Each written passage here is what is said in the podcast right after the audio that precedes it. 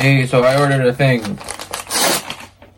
Oh shit, that was clean. And if it's what I think it is, I'm gonna be hell happy. Will you go crazy? Illuminating what was blacked out with nowhere to go. Oh shit. Yes. Oh, what the fuck? The back threw me off. Yeah, cause um, yeah. So I bought this. Look at. Okay, so I've been meaning to buy this for a while, but like for some reason I just never did. And then when they um, when they um, when they released the Zero One comic book, um, they announced that they're making. I'm gonna put like a little thing right here if I can remember to do that because I'm stupid.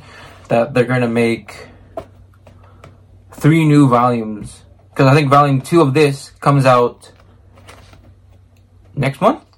Oh wait, shit! New Year's is Sunday, so in um, I guess in a couple weeks then. So yeah, uh, I'm gonna double check that real quick. Oh hell no, I was wrong. There's apparently supposed to be 15. They're gonna be making, so I guess one. They're making 14 new volumes of this.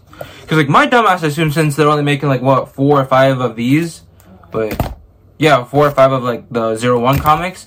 I thought they were making um four additional, three additional chap mangas, whatever the fuck you want to say. But no, they're making 15. And apparently um Agito, they're introducing Agito, so in the in the Kuuga manga. So yeah, wanna know what's funny? I've never watched Kamen Rider Kuuga, and yet I bought this. I'm gonna, I'm, cause like I'm gonna start watching it either before or after I read this, cause I actually do not know if you're if there's like an actual order. Oh, so this looks wait, is there an order? Uh, oh, fucker blew up. Is there an order? Is it wait? Is it? Hmm. I think it is. Eh. You can tell this was no, because I know this is old, but like I guess this is like one of the newer releases. Cause, eh. so yeah,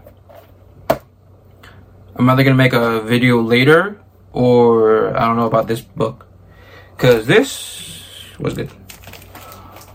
And I already pre-ordered volume two of the Zero One comics. So yeah, uh, I'll leave a. I uh, I'm still trying to look for a link for that one, but I know for a fact I'm gonna leave a link for this one because it's already on Amazon. So yeah, bye.